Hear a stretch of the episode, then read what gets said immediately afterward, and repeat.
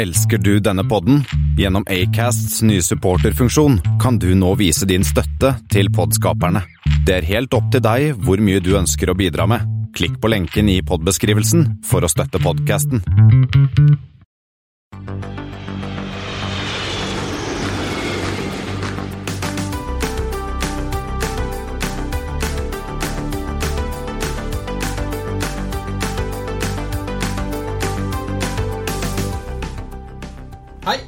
Velkommen om bord på Flypoddens flight 120. Det er blitt den 18. august, skolen har begynt igjen, og vi har tatt på oss munnbind her på hjemmestudio. Trekk maska ned med et kraftig rykk. Plasser den over nes og munn og pust normalt. Juster båndet for å holde maska på plass. Ta først på egen maske, hjelp deretter andre. Som alltid hører du meg, Kristian Kamhaug, og min makker. Espen S. I dag skal vi snakke med en pilot om utforkjøringer. Det har blitt fred på en måte, og vi har ingen i konkurskjøre, men flere gode nyheter, Espen. Ja, og så, nå vet jeg ikke om dette er en god nyhet, det kommer vel an på hvem eh, man spør, men det ryktes at du har blitt delvis flyeier, eh, Christian? Ja, jeg har alltid drømt om å eie et fly. Eh, har ikke hatt råd til et helt, så jeg har da fått meg et, en liten bit. Nå Inne på kontoret mitt nå så står det et vindu. Det er vel en eh, ja, en og en halv ganger 1 meter eh, bit av eh, Virgin Atlantics 747-400 med navnet Tinker Bell. Ja. Som jeg har fått kjøpt fra de, de glade guttene i Airskins. Airskins er vel mest kjent for å lage sånne små nøkkelringer, sånn som du har. Ja, jeg har noen av de, men jeg har ikke kjøpt en halv flyside ennå. Nei, jeg har alltid hatt lyst til det. Nå, jeg har sett, det har vært ganske dyre greier, men nå fikk jeg altså Airskins la ut disse vinduene i, i mars, var det vel, rett etter lockdown. Eh, Hvor kunne, jeg kunne faktisk velge mitt eget vindu, så jeg valgte Så ser liksom for deg annet upper deck på Virgins eh, 747, Ja. der hvor streken på G-en går gjennom vinduet Ah. Det blir rett bak exit eh, på upper deck der. Den, den er min. Jeg betalte vel 300 pund for den. Fikk den levert på døra nå i forrige uke til eh, min kones store overraskelse. Glemte du å nevne det? Eh, eh, Jeg hadde ikke nevnt det for noen, nei. Men det er veldig fint. Vi skal eh, få lagt ut noen bilder. Jeg syns det er veldig gøy å da eie en bit av et så ikonisk fly som en Virgin eh, 747-400, og fra, fra upper deck, fra upper class. Så det er mange, mange har sett og drukket champagne og kikka ut av det vinduet i årenes løp. Men jeg har jo noen flighter til deg, deg, Christian. Eh, ja, kjør på. Ja, det ene er LA120. Fra SCL til ANF. LA. Som flyr 320? Eh, Nei, vet Ja. dette det er, jeg er helt uh, Det er blank. LA er jo LAN. Ah, Eller LATAM, som det heter nå, da, men gamle LAN Chile. ah. Og SCL er Santiago? Det er Santiago, ja. Eh, men riktignok den ANF den er litt eh, vanskelig, for det er flyplassen i Antofagasta. eh, eller Andre Sabella Galves International Airport. som ligger oppe kysten der et eller annet sted. Så den var litt vrien. Neste er AM120. Det var litt bedre. Det er vel Aeromexico. Aeromexico, og den går fra MEX til TRC. Er det Mexico til Tegucigalpa eller noe? Nei? Ja, det er mm, hovedstaden i Mexico, men TRC det er Torreón International Airport eller Francisco Sarabia International Airport. Ok, ja. Eh, går med en eh, 190, Embra 190. Neste er MK 120. MK. Nei, den eh, Det er også blank, faktisk. Det er Mauritius. Ok. Og Det er ikke din kok? Nå, nå, nå kommer det Nå må du ikke Ja, mase. sorry, sorry, sorry, sorry. Den går fra MRU til RRG. Uh, MRU, er er det Mauritius? Det er Mauritius, ja. Eh, men er Reunion? Nei. Nei, RRG det er uh, Sir Geatan Duval Airport på uh, den kjente øya Rodriguez, som er en autonom øy. Så de har sånn delvis selvstendighet fra Mauritius. Ligger han 500 km ut i det indiske hav for Mauritius. Eh, og de går, med en eh, ATR 72. Og et lite hint er faktisk at alle de går har blitt fløyet denne uken. Okay. Ja, Eh. men hva er da sammenhengen? Bortsett fra at du ikke- hadde ikke peiling på hvor flyene gikk hen. i hvert fall til. Nei, de var, her, her var bra, Espen. Der klarte jeg faktisk ikke Jeg klarte Air Mexico, klarte jeg. Men eh, Nei, altså, de er jo sørlige halvkule, da. Ja, ikke Mexico. Nei, det er det ikke. Nei, det jeg skal fram til Er det, er det, er en at sånn, eh, er det noe fot? nei, samtlige selskaper her er enten under chapter 11-behandling eller under rekonstruksjon eller et eller annet sånt noe, og har en flight 120. Ja, bra, Espen. Den var, den var en av de bedre, syns jeg. Den var god. Men du har en uh, ulykke. Jeg er ulykke. Ja, for en eh, sånn, det var ikke den verste ja. ulykken. Nei, Uh, China Airlines 120 den 20. august 2007. Eh, Den var altså eh, på vei fra Taiwan til eh, Okinawa, Japan. En 737-800. Og når den da Den landet jo. landet helt fint, taxa inn til gate og tok fyr. Kaboff. Kaboff. Uh, vi legger selvfølgelig et bilde av at det ser ganske fælt ut. Uh, tre eh, mennesker, tre, tre fra flyet og én på bakken ble, ble skadd, men ingen omkom. Og undersøkelsen viser at det muligens har vært snakk om en, en, um, en eller annen bolt som kom løs fra den slat-tracken, og som da punkterte uh, høyre vingetank og lagde et hull på 2-3 cm, som da eh, klarte å antenne. Rant fyr ut, og så antente det. Det er ikke, ikke bra. Nei.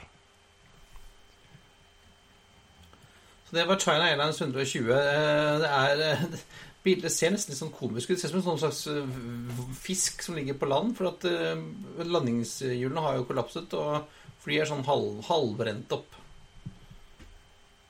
Ganske ny 72800, hvis ikke jeg husker veldig feil.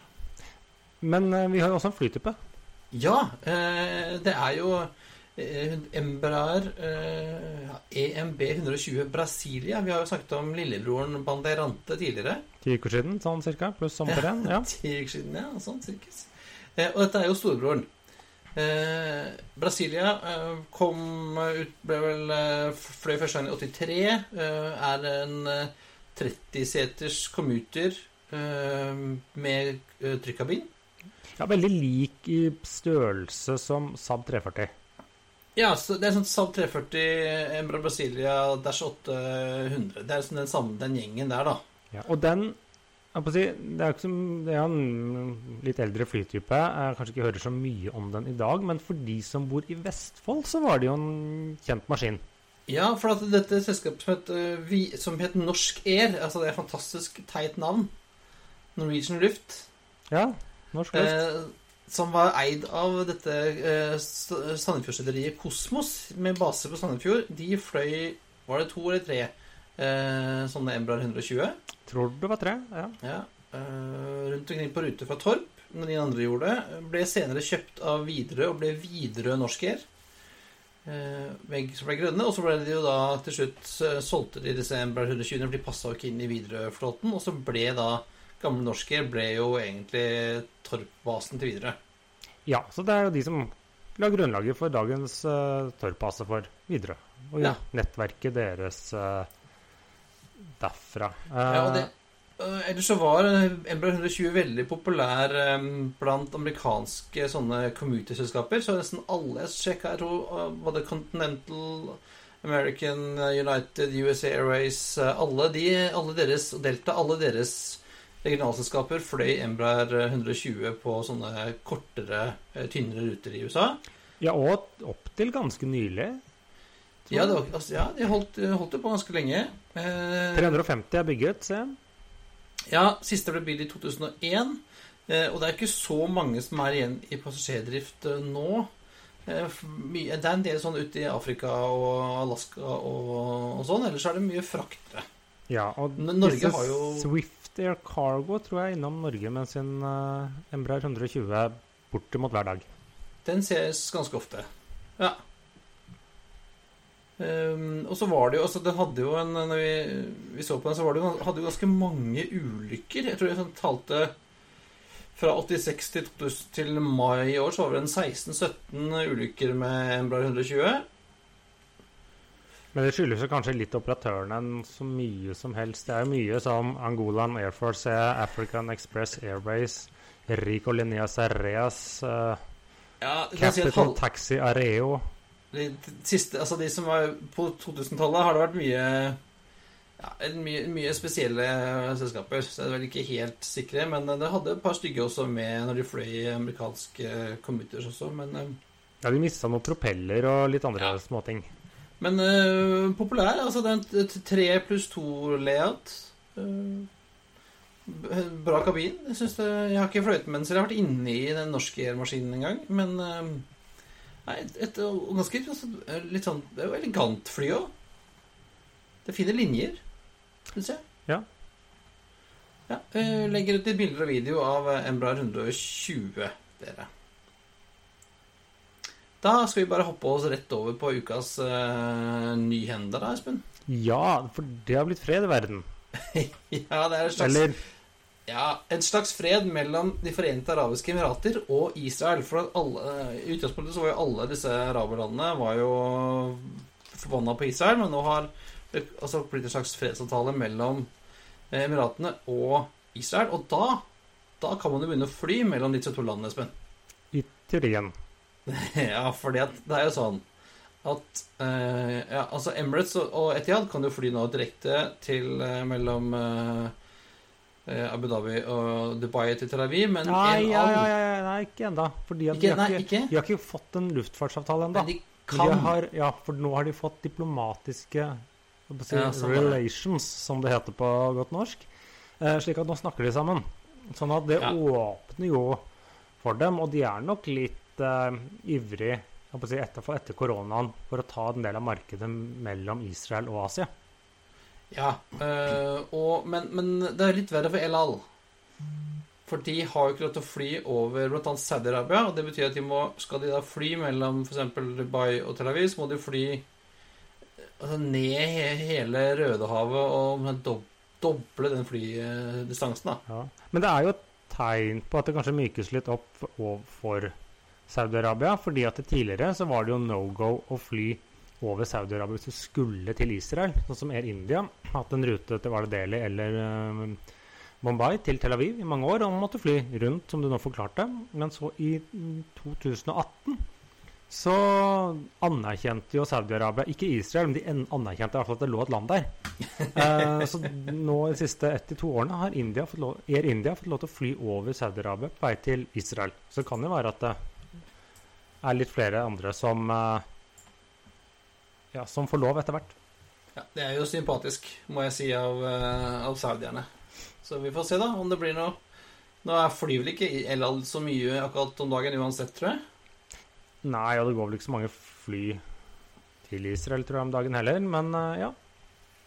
Det er er muligheter. Det finnes masse muligheter post korona. Ja da. Og så kanskje noen taiwanesiske flyselskaper har litt penger? Ja, for vi har jo snakket om at eh, eller Forrige uke snakket vi om Lufthansa sitt kjempe 17 17 milliarder underskudd eh, i Q2. Men, men for de taiwanske selskapene så er det faktisk eh, det, De rapporterer om bedre tider. Det skulle man ikke I tro. hvert fall, ja. Det går sånn greit nok. Det er China Airlines, eh, som vi snakket om i stad, hadde en liten ulykke for en ti år siden. Eh, de gikk faktisk et lite overskudd i andre kvartal. Eva Air, det andre selskapet der, det går med underskudd, men faktisk mindre enn første kvartal. Uh, disse China Airlines de gikk med sånn netto overskudd på 270 millioner dollar, faktisk. Uh, mens i fjor hadde uh, tap. Og inntektene er ned, men kostnadene faller enda mer enn inntektene. Så det er jo egentlig bra. Da gjør de et eller annet eh, godt da på Taiwan. De har klart å kutte eh, kostnadene betraktelig. Også samme med Korean Air, også sammen med Air China Airlines, som er det eneste flyselskapet i Asia som har levert et positivt kutteresultat. Eh, og det skyldes jo ene alene cargo. Dette er jo flyselskap som har cargokapasitet, har egne cargofly. Eh, som slipper å liksom ta ut setene av en annen, annen widebody, men liksom har det, og har kunnet fløyet. Og da til da gode rater. Ja, og så er det vel i hvert fall på eh, altså, Taiwan har vel ikke noe særlig smitte nå, så der er det jo ganske åpne forhold, tror jeg. Ja, og så vet jeg ikke hvor stort det taiwanesiske innenriksmarkedet er. Det er noe, men det er jo ikke den største øya. Eh, og det hjelper jo ikke å fly Det har kanskje vært litt begrenset hva de kan fly ut. Kanskje, jeg tipper kanskje Japan har vært åpen, og et par andre ting. Ja, og Korea er jo ikke så gærent, så ja. eh, Vi får kikke se hva som skjer på Formosa framover, da. Eh, og de ser ut til å klare seg eh, bra nå. Eh, men hva med vår hjemlige trakter, Espen? Hvordan går det med SAS? Er skjer det noe der? Ja, den, de måtte jo, jo omorganisere seg litt, eller hva skal jeg si, de måtte gjøre om litt på denne planlagte redningsplanen sin, for disse obligasjonseierne sa egentlig nei nå i juli. De holdt hodet kaldt, obligasjonseierne altså, og regnet med at det kom et bedre tilbud fra SAS. Det gjorde de, som de får da De tar et mindre tap eller mindre kutt av sin, eh, sin konvertering til aksjer. Men det betyr at da måtte alt omforhandles om også. eh, Sånn at siden obligasjonseierne ikke får litt bedre vilkår, så måtte også bl.a. den svenske og danske staten få det, slik at SAS må betale litt høyere rente, 0,9% på denne hybridkapitalen som statene stiller opp med. Og også da går da emisjonen som planlagt, er det nå kjent at både Danmark og Sverige vil sitte med omtrent 18,5% hver av SAS. Ja, og, og, mi, og det er jo sånn at eh, de eksisterende aksjeeierne blir vel vant ut sånn 95 Ja. eller noe sånt. Eh, Så hvis du, det, er, det er liksom en samme Norwegian, men det har jo en verdi at SAS kommer med emisjon. Og så hvis du sikkert er aksjonær, så kan du sikkert få kjøpt, regner jeg med. Denne planen ble godkjent av EU i dag, så det er et steg framover. Så skal jo liksom formelt sett godkjenne seg både aksjonærer, obligasjonsholder og alt full den pakken. Eh, og så gjenstår da forhandlinger med de ansatte. For slik jeg forstår det, så er det også krav fra både kreditorer og da nye investorer, eller les statene og andre, er jo at eh, SAS også skal kutte penger. Ja. Øh, Unnskyld, kutte kostnader. Ja. Kutte kostnader, ja. Vi skal helst ha penger og kutte kostnader. Og lærte du ikke det på eh, du, Espen? At pengene er bra, kostnadene er dårlige. Ja, ja. Ja, nei, de, der går det som eh, der går, Ja, det, det går som det går, men, tenker jeg. Det greiene. Jeg, jeg vil tro at det blir en avtale. eh, ja som eh, med. regner med det også, på sånn et eller annet vis. Og så er ingen superfornøyde. Nei, men eh, noen som er superfornøyde, er jo våre polske venner. Uh, Wizz. Ungarske. Som ser, Hæ? Ungarn. Polsk-ungarske? Ungarn.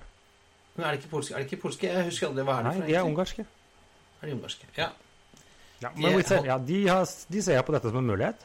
ja, de har jo sagt hele tiden at uh, Nei, nei, men vi uh, Det er ikke krise, nei. Så de skal jo nå åpne to nye baser i eh, UK. De har jo et eget AOC. Ja, de har uh, Wizz Air UK, som har en base på London Luton. Eh, og nå skal de da åpne base på Doncaster Sheffield Airport eh, med en Airbus A320. Starte litt sånn en sydenruter. Og Alicante, Malaga, Larnaca, Faro, Lublin, Kosic og Suceva. Det tror jeg er i Romania. Det er vel Polen, ikke det? Det tror jeg er Romania. Romania. Eh, men de flyr jo allerede inn dit fra andre østeuropeiske byer, så de var, er allerede største flyselskap der uten å ha en base. Og så i dag eh, så kom nyheten at eh, nå skal vi starte base på London Gatwick. Foreløpig med én Airbus A320. Eh, og ruter som var nevnt da, var da Napoli, Malta, Lanzarote og Aten. Men dit flyr de også allerede fra eksisterende baser, sånn type fra Budapest og fire-fem polske byer og Sofia og sånt. Så de er ikke nye på Gatwick. Men Nei. da får de faktisk base på to London-flyplasser. Ja, det er ganske imponerende, syns jeg. Jeg håper jo En dag når vi kan reise igjen, så har jeg Jeg er jo på Lanzarote når jeg, eh, av og til, når jeg kan. Eh, og det har jo aldri vært eh, sånn Det har ikke vært sånn superlett å fly dit fra Norge. Så en eh, En Lanzarote-flight med en stopp i London hadde jeg klart. Ja. Mens, mens noen legger ned i England eh, Mens noen oppretter, så legger andre ned. Ja, eh, de kom med nyheten denne uken her at de legger ned eh, Ja, det ble formelt bestemt, så de da kutter da basen på London Stansted, London South End og Newcastle. Ja.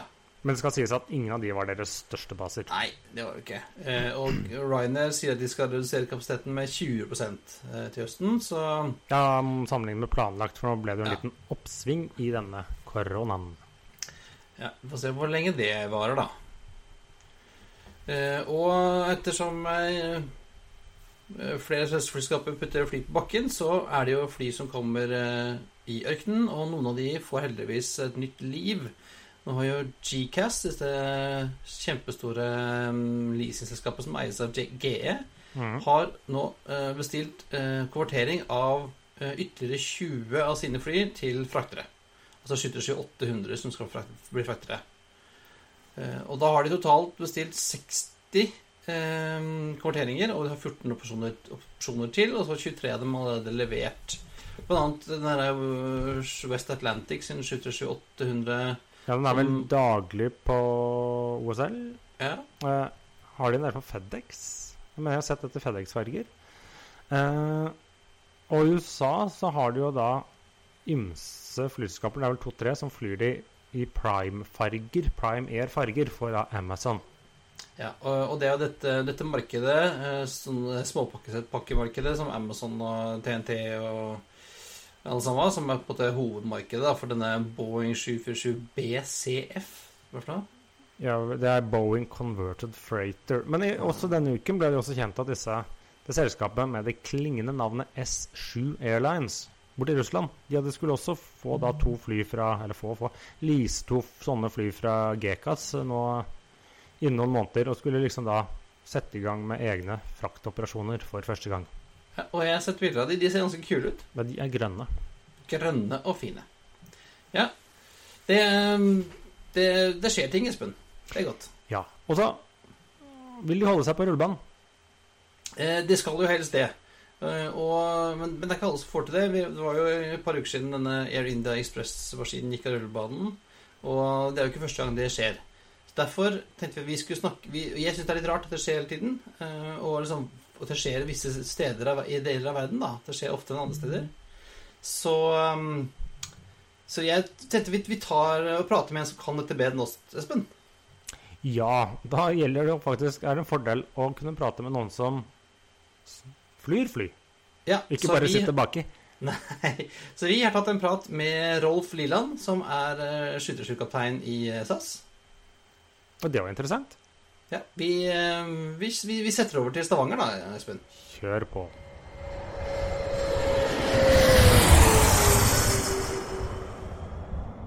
Yes, så Vi tenkte liksom at vi skulle snakke litt om runway overruns. da, I og med at vi hadde sånn denne Air India Express-sakene. Vi hadde jo et par sånne Pegasuser før i år. Mm. Og det skjer jo litt sånn innimellom, kan du si. Mm. Mm. Oftere enkelte steder enn andre, vel også Ja. Ja. Så øh, derfor vi skulle snakke om hvor, hvor som, som jeg sa da, hvor, hvor, hvorfor skjer det? Er det, som, er det, er det, er det at uh, lander man for seint inn, eller er det glatt, eller hva, hva er det? Og hvorfor, og hvorfor skjer det ikke, hvorfor skjer det ikke i Norge? Her burde det jo skje hele tiden, i og med at det er mørkt og vått og kaldt og snø og is og Mm.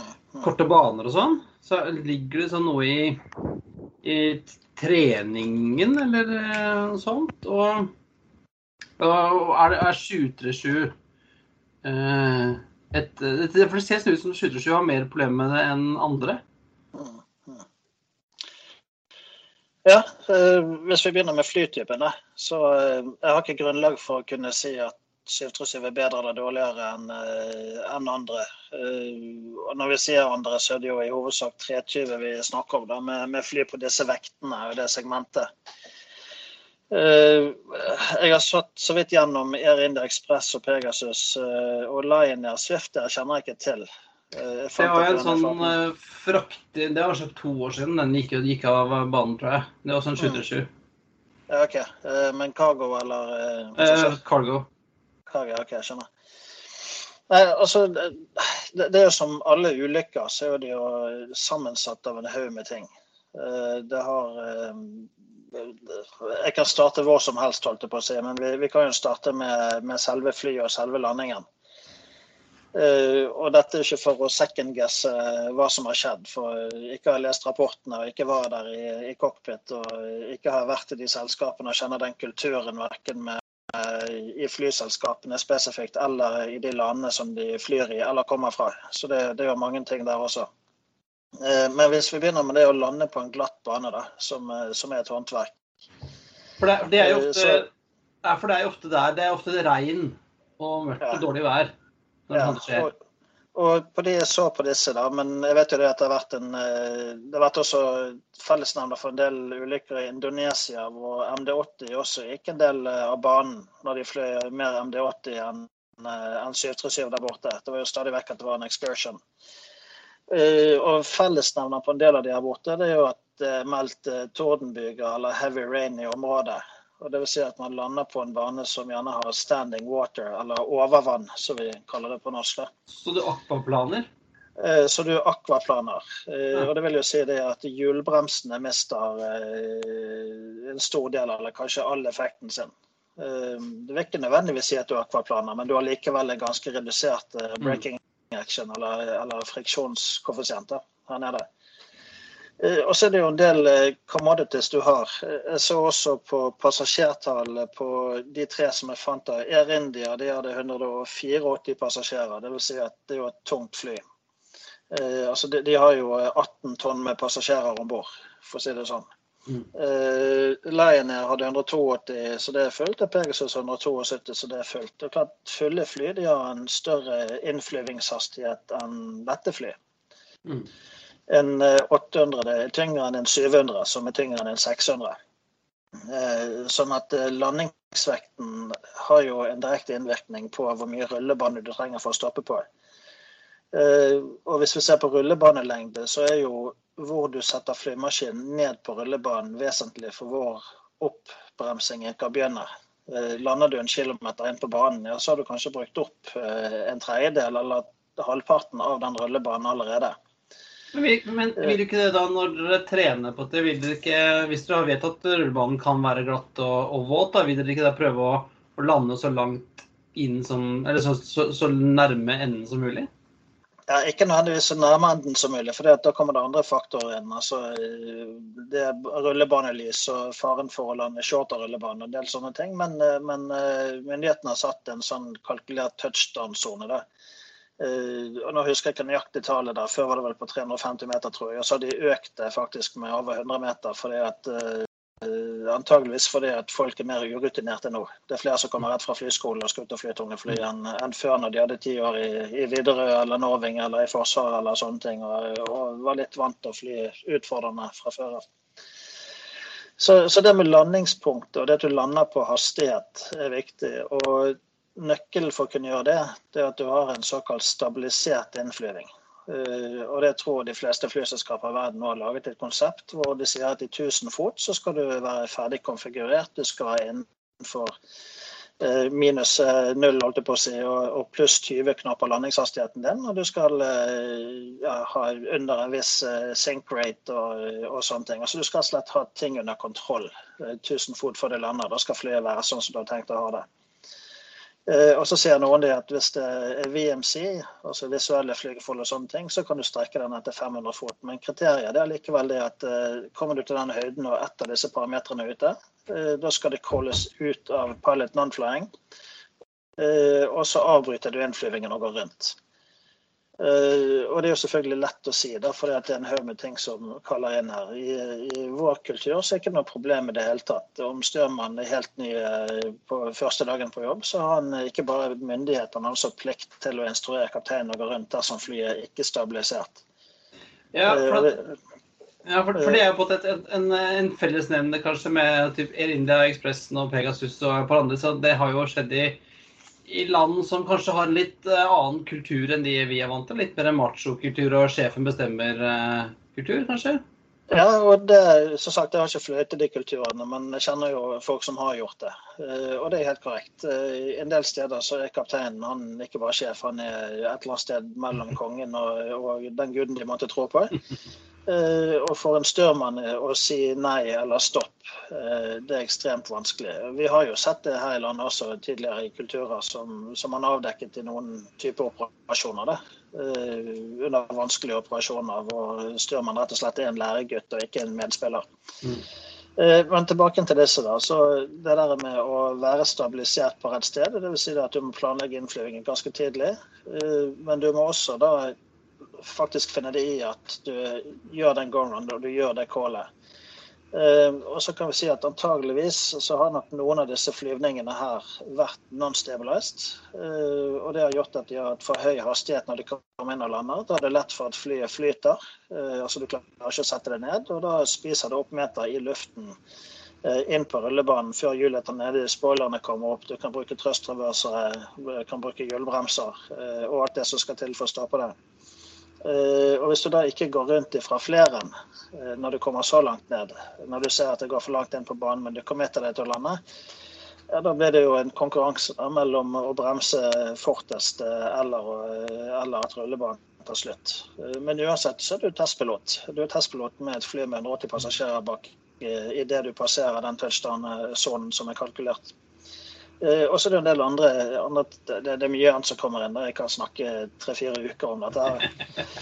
Eh, men så er det det at når du, når du først setter deg på rullebanen, forutsatt at du setter deg i den touchdown-sonen du skal bruke, eh, og enten det er glatt eller ikke, så må du ha en plan for hvordan du skal bremse opp. Og hvis det er en contaminated runway, dvs. Si at det er sne eller slaps, eller som i det tilfellet her antageligvis overvann eller standing water,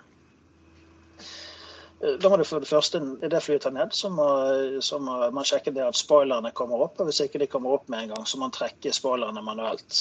Uh, og Hvis det er en for myk landing, så kan det godt hende at de wait on wheel-switchene som skal utløse den, ikke merker at flyet er nede. Og Da må du dra i det håndtaket fysisk med en gang, sånn at det kommer opp, og da får du vekt på hjulene. Og så er det viktig at du bruker hjulbremsene. Eh, vi bruker jo både autobreaks og manual breaks i de 737-operasjonene som jeg flyr på korte baner. Men eh, de gangene vi ønsker at hjulet skal begynne å ta med en gang, så setter vi bremsen i maks umiddelbart. Eh, altså før landing, sånn at du får full uttelling. Og så kan du heller redusere på den bremseeffekten fra, fra hjulbremsene hvis du ønsker det. Ja, for det hender at du merker at, at, det, at man sitter der og så rykker litt, liksom? Ja, når vi, ja, når vi, når vi hører gebissene liksom hamre, han, hamre i, i, den pansrede døren vår eh, bakfra, da vet vi at da har vi bremset nok.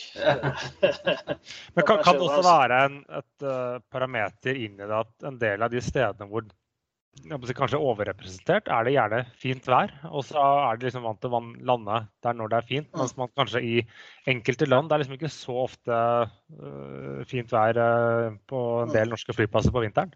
Ja, uh, og, det, og, det, kan du godt si. Uh, vi, sier, vi, sier jo det at det å fly i Norge på sommeren og vinteren, det, det er to fysisk helt forskjellige jobber. Altså Å suse rundt på blå himmel og visual approaches og en regnbyge her og der og, og sånne ting. Uh, altså Det er en fin sommerjobb. Å fly i Nord-Norge og Vestlandet på korte baner vinterstid med turbulens og uvær og snøbyger og brøyting og, og full pakke, det, det, er noe helt annet. Nei, så, så dette er også å lande der du skal på rullebanen, og deretter gjøre en oppbremsing som begynner idet du lander, ikke det du holder på å gå utfor banen. Eh, det er vesentlig. Eh, men så kan vi trekke denne tilbake litt. Eh, regnbyger og overvann, det tror jeg de er vant til der borte. At man har monsuner, man har kraftige skåls og sånne ting. Eh, sånn at det ikke er noe nytt i dette tilfellet. Eh, og da kan det dette ned på kanskje ikke nødvendigvis ferdigheter, eh, men å dette ned på litt kulturelle ting. Altså dette med en, en gjennomføringskultur. Og da kan vi se tilbake inn på flyselskapet. Jeg liker å si det at et, mange av de beslutningene som et sett flygere tar i cockpit, de har å gjøre med hvilken kultur det flyselskapet har. Hvis det f.eks. er sånn at du blir kalt inn på teppet til sjefspiloten, eller jobben din står i fare hvis du gjør en mist approach eller en go-around. Eh, da løser ikke folk problemer, de bare forsterker de. Eh, de håper at det går bra. Eh, vi kan se sånn som den 777 som krasjet i Dubai for eksempel, på rullebanen. Det var jo en konsekvens av company policy at de havarerte. Fordi at de gikk rundt i aller siste øyeblikk fordi at de var så vidt unstabilized på en kjempelang, tørr bane. Og så knotet de det til der så hvis kulturen som sagt er sånn at du har en, en straffekultur, hvor det å ta en operativ beslutning uh, ut ifra at parametrene ikke ble helt sånn som du trodde, uh, medfører en eller annen form for straff, tråkket i lønn, rykker ned på listen, uh, havner i unåde hos sjefspiloten og sånne ting, så kan det si at istedenfor at folk løser små problemer mens de er små problemer, og kanskje tar en 360 eller venter litt og tar en ny innflyving, så prøver de å gjennomføre, de prøver å berge den. Eh, og så skaper de et mye større problem. fordi de ønsker, altså Selskapet ønsker, ønsker, ikke da å ta, ta sånne go-rounds fordi det koster mer penger og man blir forsinka og sånt. Og så, og så føler piloten at nei, jeg må bare få kjerra ned. Ja, det, det, det, kan det være. Og så vet man det at man havner, på, man havner kanskje i avisen, ikke sant? for folk er ikke vant til go-around lenger. Uh, vi ser jo at Facebook går helt amok hvis noen tar en, en go-around på Gardermoen, uh, og Facebook ikke skjønner helt hvorfor. Ja, for det, kan jo si, Apropos det, sånn, da får man jo sånn VG-nett-overskrift 'følte vi var i livsfare', men egentlig ville vi vært i livsfare hvis de ikke tok den go-arounden. er jo egentlig det som er ballen her. Nettopp. Så det, så det, jeg prøver å predikere, altså de, de gangene jeg gidder å holdt på å si, og kommentere på sånne ting på, på, Facebook, så prøver jeg å si det at altså ut fra mitt perspektiv så enhver landing i en go-around helt til det motsatte er bevisst. Mm. Du, du, skal være go-around minded inni her. Eh, men så kommer det andre kompliserende ting igjen i tillegg. Da. Så la oss si nå at, eh, at, på et av disse flyene her så har de fløyet fra A til B. Det var varslet fint vær, og så kommer det en byge som, eh, som ikke var varslet. Og et av disse hadde vel allerede gjort en go-around av en eller annen årsak allerede. Og da begynner jo fuel å bli en faktor. Eh, fordi at Det er begrenset med hvor mye fuel du har med deg. Og så kan det godt hende at den alternative landingsplassen som du hadde planlagt, eh, ikke er spesielt mye bedre. Eh, og da er jo spørsmålet skal du da gjøre et landingsforsøk til på den flyplassen du er på og gjort en på, og committet deg på den? Eller skal du bruke masse fuel på å fly til en annen flyplass og da måtte lande fordi da har du plutselig et tonn eller to mindre fuel og, og nærmer deg så lite som du egentlig kan ha? Så det, det, er en del sånne avveininger som kommer inn der. Vi, vi ser det spesielt på Nord-Norge på vinteren. Fordi at Hvis vi tar med for mye fuel, så blir flyet for tungt. og så kan vi ikke Ja, da kan du ikke lande, ikke sant? Ja. Og tar vi for lite fuel, kan vi ikke fly der. Og Noen ganger så er den balansegangen eh, syl, veldig syltynn. Eh, og Det er jo da vi er glad for det at vi har vokst opp med vinterføre og crossykler eh, i nedoverbakker på isen. ikke sant? Og biler og mopeder. og Vi vet litt hva glatten er for noe. Eh, og det vi har gjort i tillegg eh, i Norge for Et spørsmål her var jo hvorfor skjedde det færre ulykker eller hvorfor skjedde færre ulykker nå enn før i tiden? Og nå det er jo det at man er blitt mye mer vitenskapelig både fra flyplassen sin side, med tanke på nøyaktige, eller så nøyaktig som mulig banemålinger, eh, og fra vår side, altså flyselskapet opp mot flyfabrikantene. At vi har kalkulatorer som gjør det at vi kan ta våre vekter, aktuelle vinder og, og føre og sånne ting, og legge inn og så få en ganske in the ballpark fremdeles, men relativt nøyaktige tall på hvor mye vi bruker på eh, å stoppe. Og så kan vi planlegge en landing ut fra det. Eh, og så er det jo teknikk til slutt. Altså det at du, at du faktisk har en, en, teknikk som du justerer til den rullebanen du skal lande på. Er banen glatt, som f.eks. at det er contaminated weather, eh, så prøver du ikke å gjøre en, silke, en silkelanding. Nei, er det bare rett ned. Vi kaller det Nord-Norge-landinger, eller en bestemt landing. Eh, og touchdown-punktet det er mye mer viktig enn en nedslagskarakteren, for å si det sånn. Så, um, ja, nei, så det, det, er noen av de tingene som, eh, som kommer inn her eh, angående den. En annen ting det er også selve rullebanen, hvor godt vedlikeholdt den er. Og Da tenker jeg ikke på brøyting, men uh, når det er mye vann på en rullebane, uh, så er det veldig greit at vannet renner vekk. Sånn at hvis rullebanen er bygget på en måte med en kurvatur fra venstre til høyre side, så gjør det at i hvert fall i vindstille så renner vannet ut til siden. Da er du kommet et godt stykke på vei. Ja, og det, er jo en overraskelse. Man tenker at rullebanen er helt flat, men jeg har jo vært ute og løpt på en rullebane på Arlanda, og den er jo ikke rett i det hele tatt. Den, går, den heller jo alle veier. Ja, den, den skal helle fortrinnsvis til siden, da, og ikke mot midten. Men, eh, men ja, altså, Det er vel bare Bergen den gjør det, men det er det ikke ja, det, det, det, det er det samme. I Bergen er det samling i bånn, men de hadde ikke mer stein til å fylle oppi der når de, når de bygget den. Men, eh, så den ble på litt av måte. Men, men, selv der er de også laget for at det skal renne av til sidene. Og så i tillegg så de rillet, sånn at uh, vannet skal bli presset litt ned i rillene når flydekket triller over det. Og så er det det siste, da. Det er jo gummiavsetningene. For alle vet jo det at hvis du skal bremse på en vei som er full av gummi, ja, da sklir du av gårde. Uh, og En del av disse friksjonskoeffisientene for rullebanen er jo basert på at rullebanen vedlikeholdes. altså Den børstes med kraftige børster med gjennom mellomrom for å, for å fjerne de gummiavsetningene som alle flyhjul eller flydekkene setter fra seg på landinger. Og det blir jo ganske mye. Du ser på alle satellittbilder hvor svart det er i touchdown-sonen. ikke sant? Ja. Og det vil si at når, du nærmer deg enden av rullebanen og, og, du kommer inn i det motsatt side sine, sine gummiavsetninger, så, så, hjelper ikke det på hjulbremsene. Nei. Det er også ting som er lettere blitt bli fjerna i Norge, i og med at vi kjører disse børstene, snøbørstene på vinteren og sånn. Burde også ta bort noe. Uh, ja, men det blir, da, da børster vi vekk sneen og, og, litt av isen og sånne ting. Og det, og det, er vi nødt til å være gode på i Norge. For is er jo andre veien gummien. Men uh, det, er det, er ikke nødvendigvis alltid man er så flink til å få vekk uh, den gummien som ligger under. Nei. Så, så, det er også en, en faktor. Nei, gummi på gummi er ikke noe Det sklir bra. Ikke sant. så, men, men, dere øver på, på dette, gjør dere ikke det?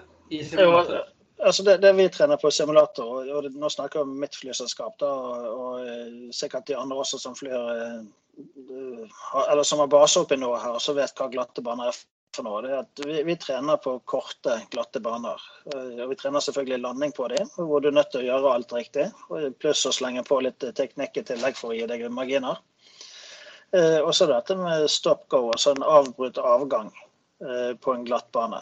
Eh, hvor du da gjør det samme regnestykkene som vi gjør for landing. Det gjør vi også for hver avgang. Enten det er glatt bane eller ikke. Men på en glatt bane hvor du da både skal stoppe før banen tar slutt, og i tillegg holde retningen mens du bruker full revers på den ene motoren, mens det er ingenting å hente på den andre motoren. Og kanskje sidevind og sånn i tillegg. Så, så det er en faktor. Ja, for det er jo typ sånn bird strikes og sånn, vil du ofte få den typen, eller? Ja, børstrekk, eller at motoren bare, enten bare slukner, eller at den eh, eksploderer eller imploderer, eller hva en måtte finne på.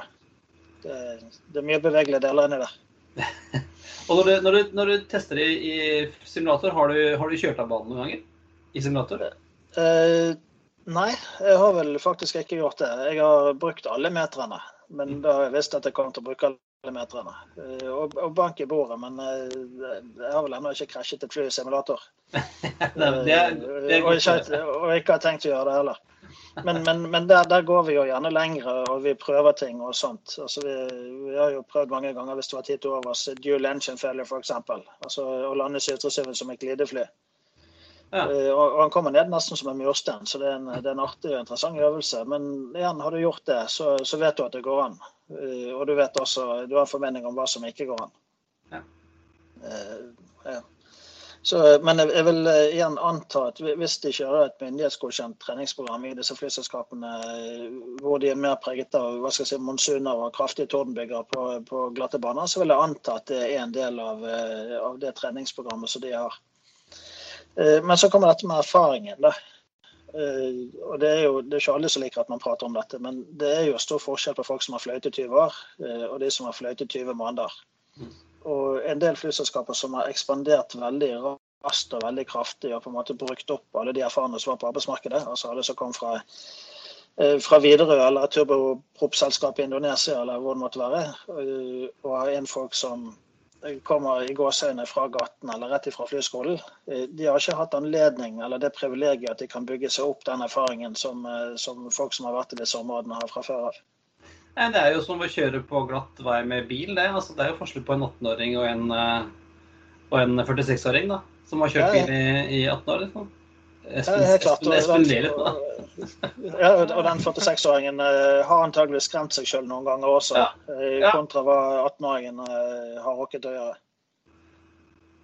Så, så, konklusjonen da, tenker jeg, er vel at det handler mye om, om trening og, og, gode rutiner, egentlig?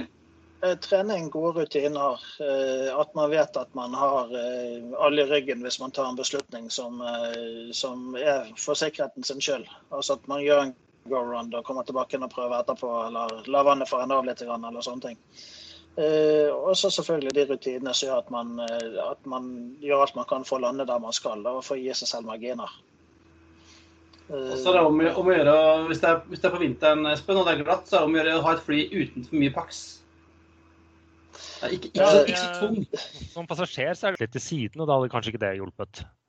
Nei, da hadde det ikke hjulpet. Eh, men eh, jeg sier litt på spøk, eh, men det er litt alvorlig også. det at En, en jetmaskin den går veldig ofte ut i enden av rullebanen i normale utforskjøringer. Mens en turboproppmaskin den går gjerne utfor på siden av rullebanen. Uh, og litt har med hastigheten å gjøre, uh, og litt har med at turboproppflyet til dels opererer på smalere rullebaner. Altså det er kortere vei til gresset på siden. Og får de et bremseproblem eller et uh, sidevindsproblem, så, så, er det gjerne der de havner. og det har jo vært noen spektakulære sånne sideutforkjøringsulykker, bl.a. den i Tyrkia hvor flyet ble stående langt ned i en skråning ja. mot havet. Så det var jo nesten en tegneserieulykke, holdt jeg på å si. Sånn eh, det så ut. Hadde ikke det skjedd, så lenge som du trodde det kunne skje. Eh, men da hadde jo kanskje en kombinasjon da, av landing med høy hastighet eh, og kraftig sidevind. Og det med sidevind er jo noe som vi tar veldig alvorlig med tanke på glatte baner også. For det er stor forskjell på å lande med å kunne lande en, en 737 med 33 eller 36 knop direkte sidevind på en tørr eller, eller enkel våt bane kontra det å ha en eh, såkalt poor breaking action og kanskje bare være nede i fem eller ti knop sidevind. Eh, har du tailwind, som et av disse flyene hadde på landingen, den Pegasusen hadde vel, både lander langt og har tailwind i tillegg, så er det klart at bakkehastigheten din er jo mye høyere enn hvis du har motvind. Mm. Og hvis du da ikke har tatt høyde for den tailwinden i beregningene på forhånd, da kommer du til å bruke veldig stor distanse på, på å stoppe. Jeg gjorde en utregning i stedet, bare for moro skyld, på en, en, 800 sånn litt oppunder maks landingsvekt. Eh, de bruker rundt 2200-2300 meter eh, stopping distance, altså fra, de, fra, de, fra baneenden og med den tøsten som de kan stoppe, eh, på en contaminated bane med standing water. Og det er klart at Hvis de da lander 500 eh, eller 1000 meter for langt inn i forhold til det, eh, så skal du plutselig ha over 3 km rullebane. Eh, ja, det er og det, ikke Var det Sola og Oslo? Ja, jeg vet ikke om Sola har det engang, men Gardermoen i hvert fall. og Banak er vel langs, vet jeg, skal, men, men det skal ikke mye til for du har brukt opp alt sammen, da, for å si det sånn. Especially on a rainy day. Ja, da sier vi tusen, tusen takk, Rolf, for å, at du kom på Flypodden i dag og enlightened oss når det gjelder runway overruns. Det er vel noe vi skal prøve, prøve å unngå? Ja, det, det, forlenger, det, forlenger, det meste, holdt jeg på å si. Både nervene dine og flyets levetid. Og, og, ja, det går jo ofte bra, men, men, som vi ser her, det er jo ikke alltid det går bra. Så nei, vi holder oss på rullebanen. Vi satser på det. Det er godt. Tusen takk. Ja. Bare hyggelig. Ha det godt.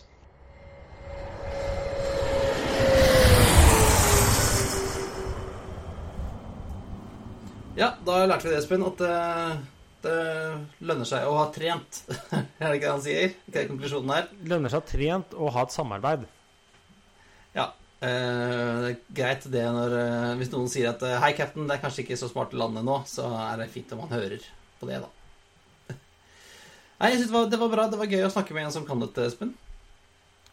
Ja, eh, veldig interessant. Det, jeg tror begge vi lærte noe nytt. Håper lytterne våre også lærte noe nytt. Ja, og jeg har en anbefaling også, Espen. På tampen. Ja, Dette er jo en anbefaling med litt åttat. Ja, ja, ja. Det er en anbefaling og tilbud. Ja. Jo, eh, for at fredag nå følgen så landet en liten bok i min postkasse. Det er en eh, liten morsom bok som heter 'Kjeller, vi lander'. En luftig bok om sivile fly på Kjeller før 1939. Av vår venn Rob Mulder, som vi har satt med før. Eh, og jeg skal innrømme at jeg var litt skeptisk, fordi det her eh, virka ganske sært på meg, syns jeg. Men Men det, jeg fikk en gledelig overraskelse. Jeg koste meg masse. Jeg har sittet og lest denne boken hele helgen. Uh, og det er uh, altså Det de har gjort, da, uh, han og en til, de har gjort et godt, veldig godt research med å finne i arkiver rundt omkring fly, både norske og utenlandske sivile fly, som har vært på Kjeller i ja, fra tidlig sånn 1910-årene til 1939.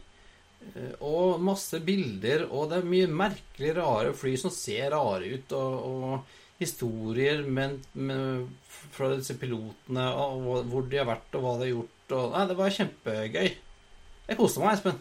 Ja, nei, det, det, er jo da ukens anbefaling, men som jeg er inne på, ikke nok med det. Ikke nok med det, vi har også et, eh, et godt tilbud på boken hvis du vil kose deg like mye som meg. Hvis du da går inn på uh, europeanairlines.no og bestiller boken, så får du 20% rabatt hvis du bruker rabattkoden 120 kjeler. Vi skal selvfølgelig eh, legge inn linker og sånt til oss. Og, men ikke nok med det, Espen. Vi har enda et tilbud. Oh. For vi hadde snakket jo tidligere om denne SAS-boken Royal Vikings. Ja, den har vi både anbefalt og gitt rabatt på full pakke. Ja, så hvis du ikke, ennå ikke har kjøpt denne, så kan du kjøpe den, en pakke med Royal Vikings-boka og denne kjellerboka. Og da får du 25% rabatt på hele pakka. Ja, og da bruker du rabattkoden 120 Kjeller SAS. I ett ord, ja. I ett ord, ja. Vi, ja. vi legger ut linker og ja. full pakke og reklame. Det er uh, klart, for at det var, der var det mye greier. Men det var alt for denne gang. Det er på tide å feste sikkerhetsbeltene, rette opp setet og sikre fri sikt ut av vinduet ettersom flight 120 går inn for landing.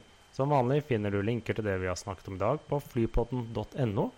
Eh, du finner oss også på facebook.com slash Flypodden, og på Twitter at Flypodden, og Instagram at Flypodden også. Uh, ja, Vi er på linken din nå, forresten.